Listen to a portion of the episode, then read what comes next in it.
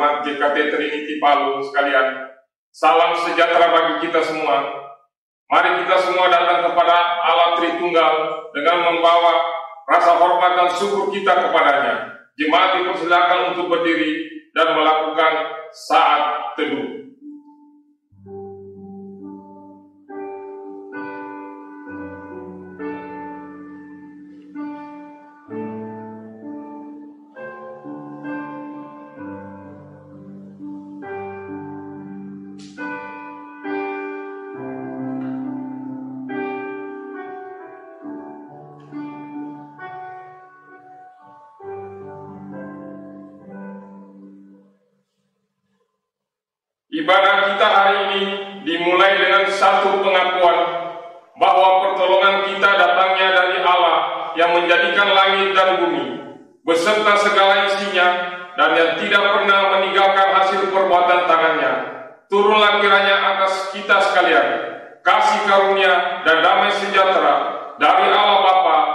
Putra, dan Roh Kudus. Amin. Mari jemaat sekalian kita memuji Allah Tritunggal dengan menyanyi PPR nomor 6, Besar Setiamu.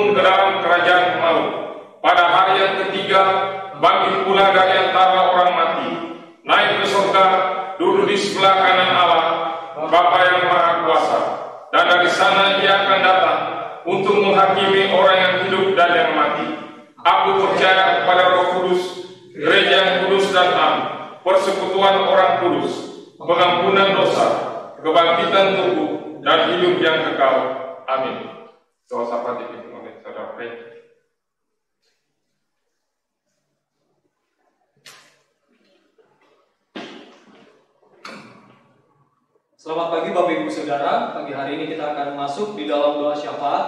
Untuk itu saya mengajak kita semua masuk dalam doa syafaat, kita satu dalam doa kita berdoa.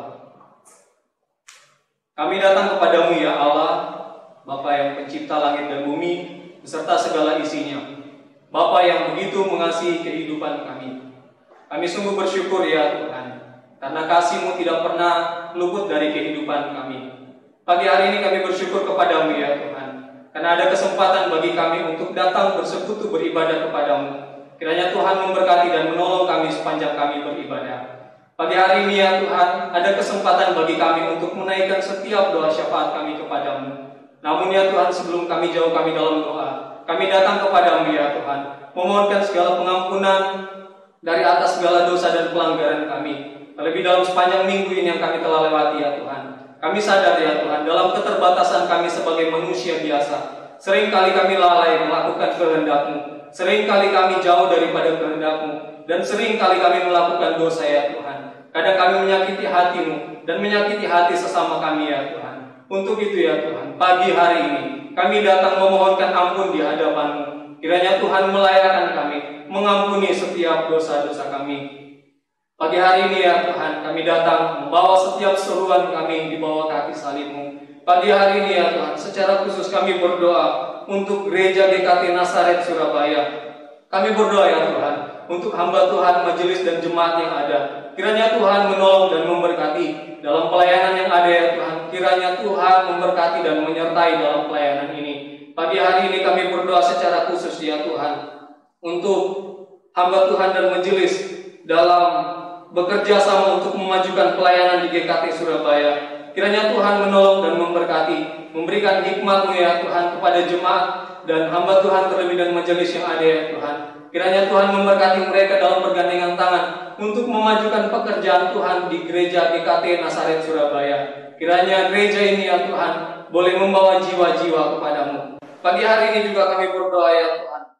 Secara khusus untuk tenaga medis Poliklinik Samaria yang tetap melayani pasien walaupun dalam keadaan yang sulit ini dalam menghadapi pandemi virus corona. Kami tahu ya Tuhan banyak tantangan, banyak pergumulan dalam melayani setiap pasien yang ada dalam menjalankan klinik ini. Namun kami percaya ada pertolongan Tuhan yang nyata di dalam pelayanan ini ya Tuhan.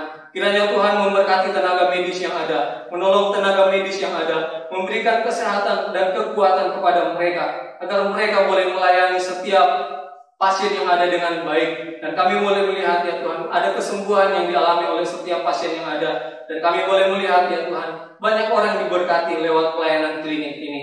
Dan pagi hari ini juga kami berdoa ya Tuhan untuk proses perencanaan pembangunan gedung pos PI wilayah Wiguna ya Tuhan.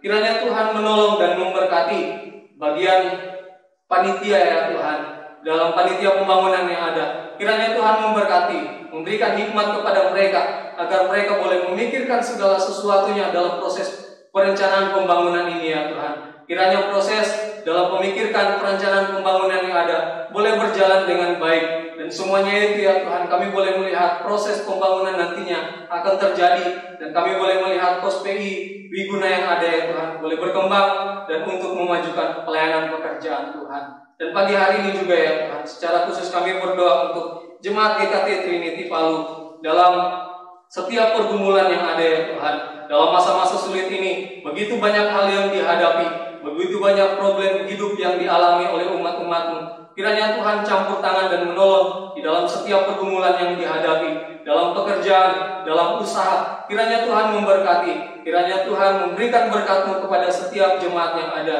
Dan kami boleh melihat ya Tuhan, penyertaan Tuhan tetap nyata di dalam kehidupan setiap jemaat yang ada. Terlebih khusus ya Tuhan, pada minggu ini kami sungguh bersyukur ya Tuhan, karena ada umat-umat Tuhan yang boleh berjumpa dengan hari kelahiran mereka. Kami berdoa secara khusus ya Tuhan untuk saudara Raymond Kuandi, anak Felicia Trela, dan kami juga berdoa untuk Bapak Calvin. Kami bersyukur untuk satu tahun usia yang Tuhan tambahkan bagi jemaatmu ini ya Tuhan. Kami berdoa secara khusus ya Tuhan dalam masa menjalani hidup mereka. Kiranya Tuhan memberkati dan menolong dalam setiap cita-cita yang diharapkan ke depannya ya Tuhan. Kiranya Tuhan memberkati dan menolong dan menjawab setiap yang menjadi kerinduan dari umat-umatmu ini ya Tuhan. Pagi hari ini juga kami berdoa ya Tuhan, secara khusus untuk jemaatmu ini. Kiranya di dalam kehidupan iman kepercayaan kepadamu ya Tuhan, semakin hari semakin dikuatkan, semakin hari semakin diteguhkan di dalam Tuhan. Terima kasih ya Tuhan, terima kasih. Inilah doa kami, inilah syafaat kami yang kami bawa di dalam nama Tuhan Yesus Kristus Tuhan dan Juru Selamat kami yang hidup, kami sudah berdoa. Amin. Saya kembalikan kepada Petrus.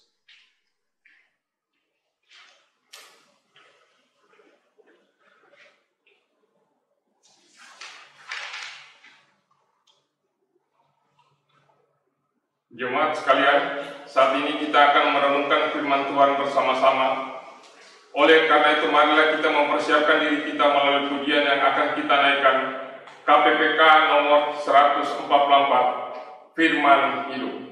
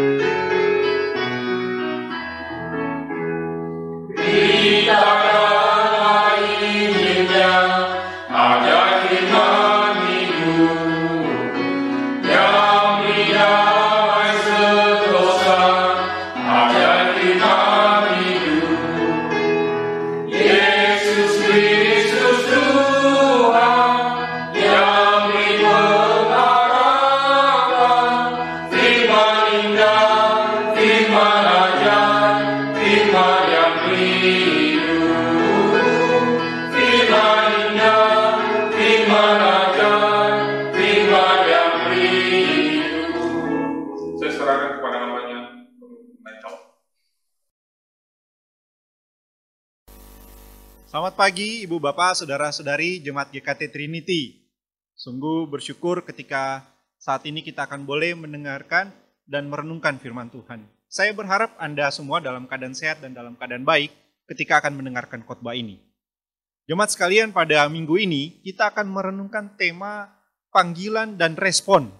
Panggilan dan respon eh, didasarkan dari perikop Matius pasal 22 ayat 1 hingga ayat yang ke-14 yang merupakan bacaan Injil secara ekumenis pada pekan ini. Nah, Ibu Bapak, ketika mempersiapkan bahan khotbah ini dengan gagasan tentang panggilan dan respon, saya secara pribadi teringat dengan sebuah lagu sekolah minggu yang sudah cukup lama sebenarnya, yang judulnya Dengar Dia Panggil Nama Saya. Saya kira ini lagu yang sangat baik. Saya tidak tahu apakah ibu bapak, saudara-saudari masih ada yang ingat lirik lagu ini. Atau kalau anak-anak sekolah minggu ada yang tahu lagu ini? Dengar dia panggil nama saya. Saya bacakan liriknya. Liriknya berbunyi begini. Dengar dia panggil nama saya. Ini saya sudah sekali nyanyikan ya. Dengar dia panggil namamu. Dengar dia panggil nama saya. Juga dia panggil namamu. Ku jawab ya, ya, ya. Ku jawab ya, ya, ya. Ku jawab ya Tuhan, ku jawab ya Tuhan, ku jawab ya, ya, ya. Sebuah lagu yang syarat dengan gagasan tentang panggilan dan respon.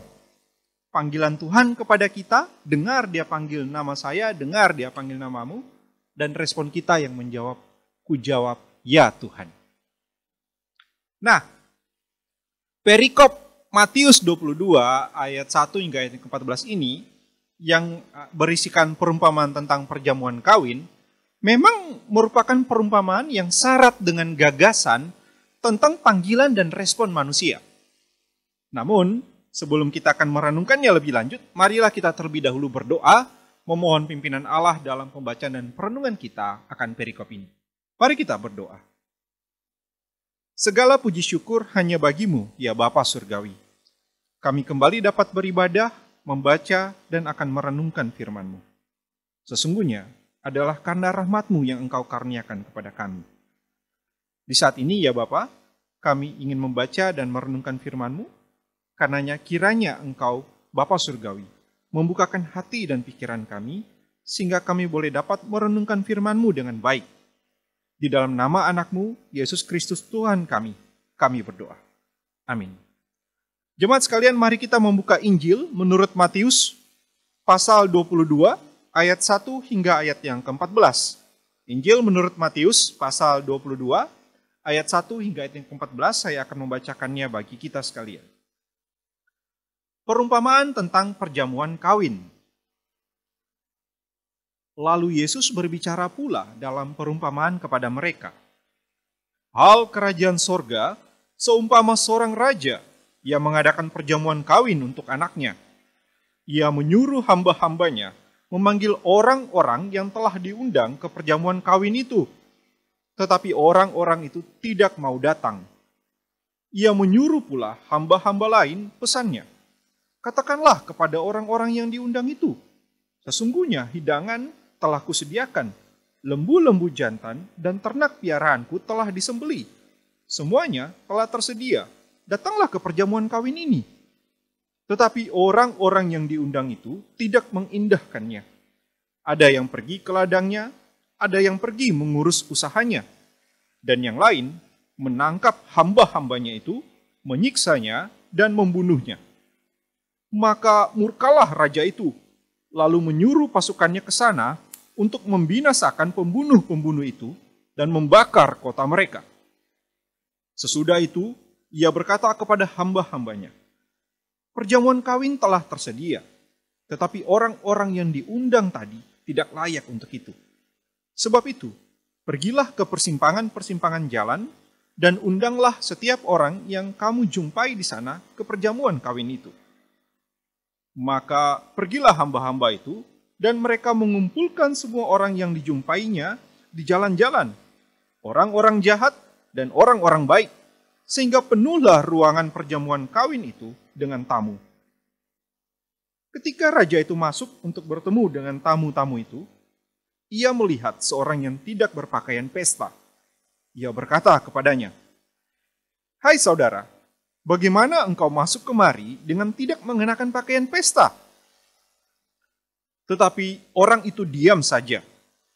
Lalu kata raja itu kepada hamba-hambanya, Ikatlah kaki dan tangannya, dan campakkanlah orang itu ke dalam kegelapan yang paling gelap. Di sanalah akan terdapat ratap dan kertak gigi. Sebab banyak yang dipanggil, tetapi sedikit yang dipilih. Demikian bacaan kita pagi hari ini.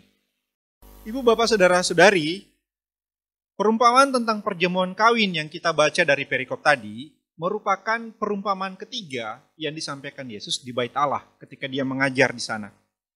Perumpamaan yang pertama adalah perumpamaan tentang dua orang anak, sedangkan perumpamaan yang kedua adalah perumpamaan tentang penggarap-penggarap kebun anggur. Nah, sebagaimana dua perumpamaan sebelumnya, maka perumpamaan ketiga ini juga, yaitu perumpamaan tentang perjamuan kawin, juga ditujukan Yesus sebagai kritikan yang ia sampaikan kepada orang-orang Farisi, kepada para imam kepala dan tua-tua bangsa Yahudi yang sebelumnya mempertanyakan sumber kuasa atau otoritas diri Yesus dalam mengajar di Bait Allah. Yang kemudian nanti mereka setelah mendengarkan dua perumpamaan yang pertama berencana untuk menangkap Yesus. Jemaat sekalian, sebagai awal dan akhir dari perumpamaan tentang perjamuan kawin ini, maka ayat 2 dan ayat 14 dari Matius 22 ini menunjukkan kepada kita gagasan pokok dari perumpamaan ini. Gagasan pokoknya adalah tentang panggilan dan respon manusia. Panggilan kerajaan Allah dan respon manusia terhadapnya. Oleh karenanya, gagasan tentang panggilan gagasan, maaf, gagasan tentang panggilan dan respon manusia ini dapat kita lihat dari dua bagian di dalam perumpamaan ini. Mari kita lihat bagian yang pertama, yaitu ayat ketiga dan ayat yang ketujuh. Maaf, ayat ketiga hingga ayat yang ketujuh. Pada bagian pertama ini kita melihat ada seorang raja yang mengadakan perjamuan kawin untuk anaknya. Lalu sang raja ini pun menyuruh dia menyuruh para hambanya untuk memanggil orang-orang yang telah dia undang untuk datang ke perjamuan kawin ini. Dan di sana kita menemukan respon dari orang-orang yang telah diundang raja itu bahwa mereka tidak mau datang Ya, sungguh mengagetkan tentunya respon orang-orang ini. Mereka telah menerima undangan raja untuk datang ke perjamuan kawin. Mereka pun dipanggil untuk memenuhi undangan itu. Tetapi mereka menolaknya. Mereka tidak mau datang. Bukankah ini adalah hal yang tidak lazim untuk dilakukan? Yaitu menolak panggilan seorang raja yang telah mengundang mereka untuk datang ke perjamuan kawin. Ibu bapak saudara-saudari pada masa itu bagi orang-orang Yahudi menolak panggilan raja adalah hal yang tidak lazim untuk dilakukan dan adalah hal yang tidak sepantasnya untuk dilakukan. Maka tentu saja respon orang ini, orang-orang ini ketika tidak mau datang, tentu sangat-sangat mengagetkan dan adalah respon yang tidak layak. Tetapi kemudian kita melihat di bagian pertama ini Raja pun mengutus kembali para hambanya yang lain untuk memanggil orang-orang tersebut yang telah dia undang tadi. Kali ini dengan pesan bahwa semuanya telah tersedia. Hidangan telah disediakan, lembu-lembu dan ternak piaran raja telah disembeli. Intinya semuanya menunjukkan bahwa ini merupakan perjamuan yang tidak main-main. Perjamuan yang megah dan segala sesuatunya telah disiapkan oleh raja yang memanggil mereka. Maka panggilan pun kembali disampaikan kepada orang-orang yang telah diundang itu. Dengan harapan tentunya mereka akan datang, mau datang ke perjamuan kawin tersebut. Tetapi apa respon orang-orang itu terhadap panggilan yang kali kedua ini? Orang-orang itu tidak mengindahkannya. Mereka tidak memperdulikan panggilan raja. Kalau kita tidak boleh katakan mereka memandang remeh terhadap panggilan itu ada orang yang pergi ke ladangnya, ada orang yang pergi mengurus usahanya. Eh, mengejutkannya, ada orang yang menangkap para hamba dari raja tersebut yang menyampaikan panggilan raja kepada mereka. Orang-orang ini kemudian menyiksa para hamba tersebut dan membunuhnya. Entah kenapa mereka sampai bertindak demikian. Maksud saya begini, seorang raja mengundang dan orang-orang itu tidak mau datang. Ini mengagetkan sekali. Diundang, dipanggil lagi. Eh, kali ini yang diutus para hambanya malah ditangkap dan dibunuh. Jadi begitu mengejutkan. Mengapa mereka bisa merespon seperti itu? Ya entah kenapa sampai mereka berespon demikian, tetapi kita pun melihat respon raja kepada orang-orang ini panggil ini. Raja murka tentunya. Raja pun kemudian menyuruh pasukannya untuk membunuh dan membinasakan para pembunuh itu, serta membakar kota mereka. Jadi jemaat sekalian pada bagian pertama ini dari ayat ketiga hingga ayat yang ketujuh, ada, kita menemukan adanya pola panggilan dan respon. Ada panggilan raja kepada orang-orang yang telah dia undang untuk datang ke perjamuan kawin yang dia buat. Kemudian ada respon dari orang-orang yang telah dipanggil itu mereka tidak mau datang Kemudian raja memanggil lagi dengan mengatakan semuanya telah disediakan. Dan kemudian ada respon dari orang-orang itu. Mereka tidak mau datang. Bahkan ada yang menangkap dan membunuh para hamba raja yang menyampaikan panggilan itu. Dan kita melihat ada respon raja kepada mereka. Yaitu yang murka, akhirnya raja membunuh orang-orang itu. Yang pasti pola panggilan dan respon begitu jelas pada bagian pertama ini. Sekarang kita lihat bagian yang kedua. Pada bagian kedua, ayat 8 hingga ayat yang ke-13, di bagian ini kita juga akan kembali menemukan pola panggilan dan respon yang sama dengan bagian yang pertama. Di ayat 8, kita menemukan si raja kembali melakukan panggilan. Hanya saja kali ini sang raja tidak memanggil orang-orang yang telah dia undang sebelumnya. Sebab bagi raja, orang-orang tersebut tidak layak untuk perjamuan kawin yang akan ia adakan untuk anaknya. Maka Raja pun mengutus para hambanya untuk memanggil orang-orang lain untuk datang ke perjamuan kawin yang diadakan dan tidak dia undang sebelumnya. Orang-orang lain ini adalah orang-orang yang para hambanya jumpai di persimpangan-persimpangan jalan. Jemaat sekalian, persimpangan jalan merupakan sebuah lokasi di mana orang banyak dapat dijumpai karena berasal dari berbagai arah dan dari berbagai kalangan. Maka panggilan raja ini tentunya disampaikan para hambanya kepada semua orang yang mereka jumpai di jalan. Ya, semua orang. Orang-orang dari berbagai kalangan atau golongan, dari berbagai usia, status sosial, dan suku atau etnis. Bahkan dikatakan di situ, orang-orang jahat dan orang-orang baik turut dipanggil. Yang menunjukkan bahwa para hamba itu ya juga memanggil orang-orang yang dibenci atau orang-orang yang disingkirkan dan orang-orang yang dihormati dalam masyarakat. Ya, kepada semua orang itulah panggilan si raja ditujukan. Apa respon orang-orang tersebut setelah menerima panggilan raja? Orang-orang yang dipanggil ini pun datang ke perjamuan kawin yang diadakan raja. Sehingga Yesus pun menjelaskan dalam perumpamaan ini dengan mengatakan, sehingga penuhlah ruangan itu dengan tamu. Berarti orang-orang ini yang dijumpai ada begitu banyak dan kemudian datang di dalam perjamuan kawin ini. Namun ternyata Yesus pun melanjutkan perumpamannya dengan dengan mengisahkan ada satu orang tamu yang datang dengan tidak berpakaian pesta. Sungguh mengejutkan bukan?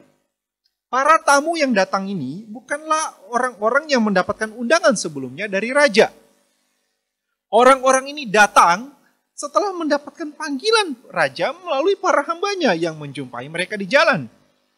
Lalu mengejutkannya adalah ketika hampir semua tamu merespon panggilan raja dengan datang mengenakan baju pesta, ternyata ada satu tamu yang merespon panggilan raja dengan datang tanpa mengenakan baju pesta sebuah sikap yang bukan saja tidak lazim, tetapi juga tidak layak untuk dilakukan, atau sebuah sikap yang tidak bersesuaian dengan perjamuan kerajaan tersebut. Maka raja pun meresponi sikap yang tidak layak dilakukan oleh orang ini dalam pesta. Mungkin kalau kita terjemahkan ke dalam bahasa sehari-hari, maka raja akan berkata begini, Bro, bagaimana bisa kau ke sini tanpa pakai baju pesta? Tapi ya setelah ditanya, orang ini pun diam saja di hadapan raja. Akibatnya, si raja bukan hanya menolak, namun juga menghukum orang tersebut. Raja memanggil para hambanya untuk mengikat orang itu dan melemparkannya ke dalam kegelapan yang paling gelap sebagai hukuman atas orang tersebut. Jadi, pada bagian kedua ini kita kembali menemukan pola panggilan yang sama atau pola panggilan respon yang sama dengan pola panggilan di bagian yang pertama. Ada panggilan raja, orang-orang datang merespon, tapi ternyata ada yang datang merespon dengan datang tanpa pakai baju pesta, maka raja pun menyatakan responnya dengan menghukum orang itu. Memang ya, ada banyak pendapat tentang apa sih makna dari baju pesta yang tidak dipakai orang ini, sehingga orang itu yang tidak memakainya dihukum oleh raja. Ada pakar yang menafsirkan pakaian pesta ini sebagai pertobatan, pengampunan, dan kebenaran yang diberikan. Ada juga yang menafsirkan pakaian pesta ini sebagai kebenaran moral pribadi sebagai bukti pertobatan. Ada pula orang yang memahami pakaian pesta ini sebagai perbuatan baik, kesucian tubuh, atau kasih, atau iman yang mewujud dalam kasih. Ya, memang para penafsir belum sepakat dengan arti dari pakaian pesta ini. Namun, paling tidak kita dapat mempertimbangkan bahwa raja yang mengadakan pesta perkawinan tentunya menghendaki para tamunya hadir dengan layak dalam pesta kerajaan ini. Dengan demikian, orang yang hadir tanpa pakaian pesta ini telah merespon panggilan raja dengan sikap yang tidak layak atau tidak bersesuaian dengan pesta kerajaan tersebut. Selain itu, Sebagaimana tadi di awal saya sampaikan bahwa perumpamaan ini ditujukan Yesus sebagai kritiknya kepada orang-orang Farisi yang nanti di ayat 18 dari pasal 22 ini Yesus sebutkan mereka sebagai orang munafik. Bahkan juga berlanjut nanti pada pasal 23. Maka saya kira dapatlah kita pahami bahwa tidak mengenakan pakaian pesta menunjuk kepada sikap hidup orang-orang Farisi yang munafik, yang tidak bersesuaian dengan nilai-nilai kerajaan Allah. Lalu Yesus pun mengakhiri perumpamaan ini dengan mengatakan, banyak yang dipanggil tetapi sedikit yang dipilih di ayat 14. Yang menunjukkan bahwa memang ada banyak orang yang menerima panggilan. Dari yang dipanggil yang kelompok tamu yang pertama, kemudian kelompok tamu yang kedua. Tetapi sedikit yang layak untuk panggilan itu. Maka apa pelajaran yang dapat kita temukan dari perumpamaan ini tentang perjamuan kawin ini? Sebagaimana tadi saya sampaikan bahwa gagasan pokok dari perjamuan kawin ini mengajarkan kita tentang panggilan dan respon manusia. Maka pelajaran pertama adalah panggilan kerajaan Allah itu bersifat anugerah dan universal. Sebuah panggilan anugerah dari Allah kepada banyak orang untuk masuk dalam persekutuan dengan Allah dan menikmati sukacita di dalam kerajaan Allah. Sebuah panggilan anugerah yang universal karena ditujukan kepada semua orang dari berbagai kalangan, usia, status sosial, ekonomi, dan suku atau etnis. Baik kepada mereka yang dipinggirkan dalam masyarakat atau maupun kepada mereka yang dihormati dalam masyarakat. Kedua, panggilan kerajaan Allah yang universal dan penuh anugerah ini menuntut respon manusia. Manusia dapat menolak panggilan kerajaan Allah tersebut. Manusia juga dapat merespon dengan menerima panggilan kerajaan Allah tersebut. Namun, manusia yang menolak panggilan kerajaan Allah pada dasarnya telah menjatuhkan hukuman pada dirinya sendiri. Sedangkan mereka yang menerima panggilan kerajaan Allah masuk dalam jamuan sukacita dalam persekutuan dengan Allah di dalam kerajaannya. Pelajaran yang ketiga. Setiap respon manusia kepada panggilan kerajaan Allah itu memiliki konsekuensi atau respon lanjutan yang perlu dilakukan. Mereka yang menolak panggilan kerajaan Allah harus mempertanggungjawabkan penolakannya kepada Allah. Sedangkan mereka yang menerima panggilan kerajaan Allah harus berlaku hidup atau menjalankan laku hidup yang sesuai dengan nilai-nilai kerajaan Allah nilai-nilai kerajaan Allah seperti membawa damai, hidup dalam kesucian, dan berpegang pada kebenaran, memberikan penghiburan, berlaku adil, hidup bermurah hati, nilai-nilai kerajaan Allah yang sesungguhnya telah kita pelajari dalam PA bersama dari khotbah Yesus di bukit. Bukan berlaku hidup munafik yang tidak sesuai dengan kerajaan Allah.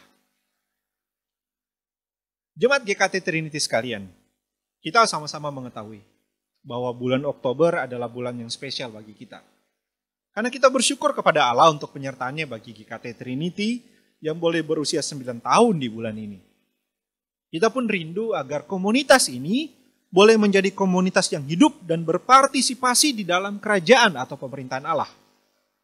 Secara aktif dan penuh tanggung jawab untuk kemuliaan Allah. Maka perenungan kita dari Matius 22 ayat 1 hingga yang ke-14 ini mengingatkan kita bahwa kita adalah sebuah komunitas yang berisikan orang-orang yang telah menerima panggilan kerajaan Allah dan menjawab ya untuk panggilan tersebut. Kalau menggunakan perspektif lagu sekolah minggu di awal khotbah tadi, maka kita adalah orang-orang yang telah mendengar panggilan Allah kepada setiap pribadi. Dan kita menjawab, ya Tuhan. Ku jawab, ya Tuhan. Ku jawab, ya Tuhan. Siapa pun kita, dari latar belakang apa pun kita. Dengan demikian, sebagai orang-orang yang telah menerima panggilan kerajaan Allah dan merespon dengan jawaban ya, maka kita bukan saja dipanggil masuk dalam jamuan sukacita dalam persekutuan dengan Allah Tritunggal, namun kita juga perlu untuk berlaku hidup sesuai dengan nilai-nilai kerajaan dari Allah yang telah memanggil kita. Bahwa komunitas ini perlu bergerak bersama-sama berpartisipasi secara aktif dalam menghidupi nilai-nilai kerajaan Allah dalam setiap laku kehidupan kita bersama. Bukan berlaku hidup munafik sebagaimana yang menjadi kritikan Yesus kepada para orang Farisi. Maka marilah kita saling mendukung, saling mengingatkan, saling menguatkan, saling menopang dalam kehidupan bersama di komunitas ini sehingga kita dapat bergerak bersama-sama untuk menghidupi nilai-nilai kerajaan Allah. Mari kita berdoa. Kami mendengarkan panggilanmu kepada setiap kami, ya Allah. Kami menjawab ya, dan kami bersedia menuruti panggilanmu. Kami pun rindu dan berkomitmen kepadamu untuk menghidupi panggilanmu atas kami. Untuk hidup seturut kehendakmu, untuk hidup sesuai nilai-nilai kerajaanmu, ya Allah. Karenanya, kiranya engkau terus membimbing kami. Di dalam nama Tuhan Yesus, kami berdoa.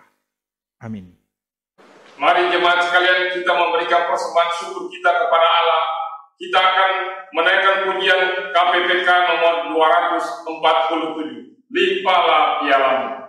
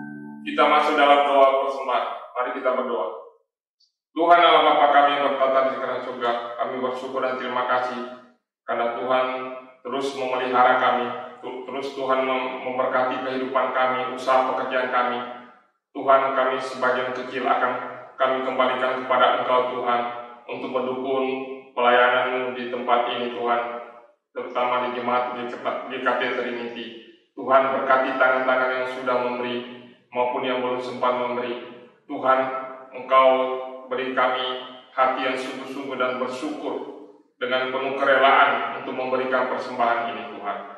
Berkati persembahan ini, pakai para majelis untuk mengelola keuangan ini, untuk memperlebar kerajaan khususnya di GKP Trinity Palu.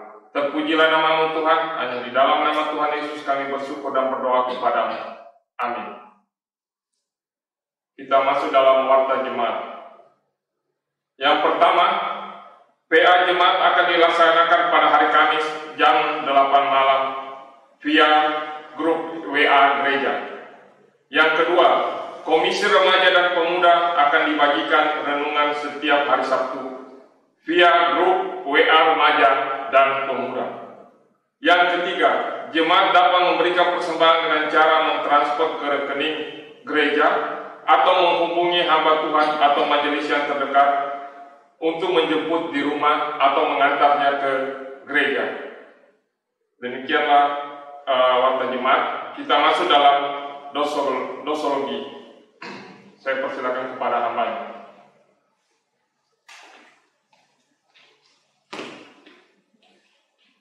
Jemaat sekalian, saya mengajak kita untuk bangkit berdiri. Mari kita menaikkan pujian doksologi.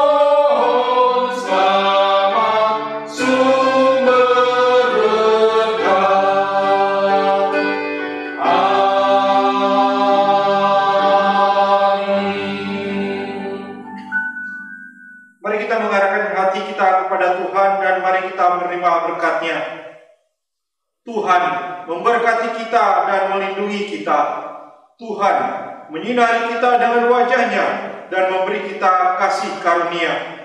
Tuhan menghadapkan wajahnya kepada kita dan memberi kita damai sejahtera dari sekarang hingga selamanya.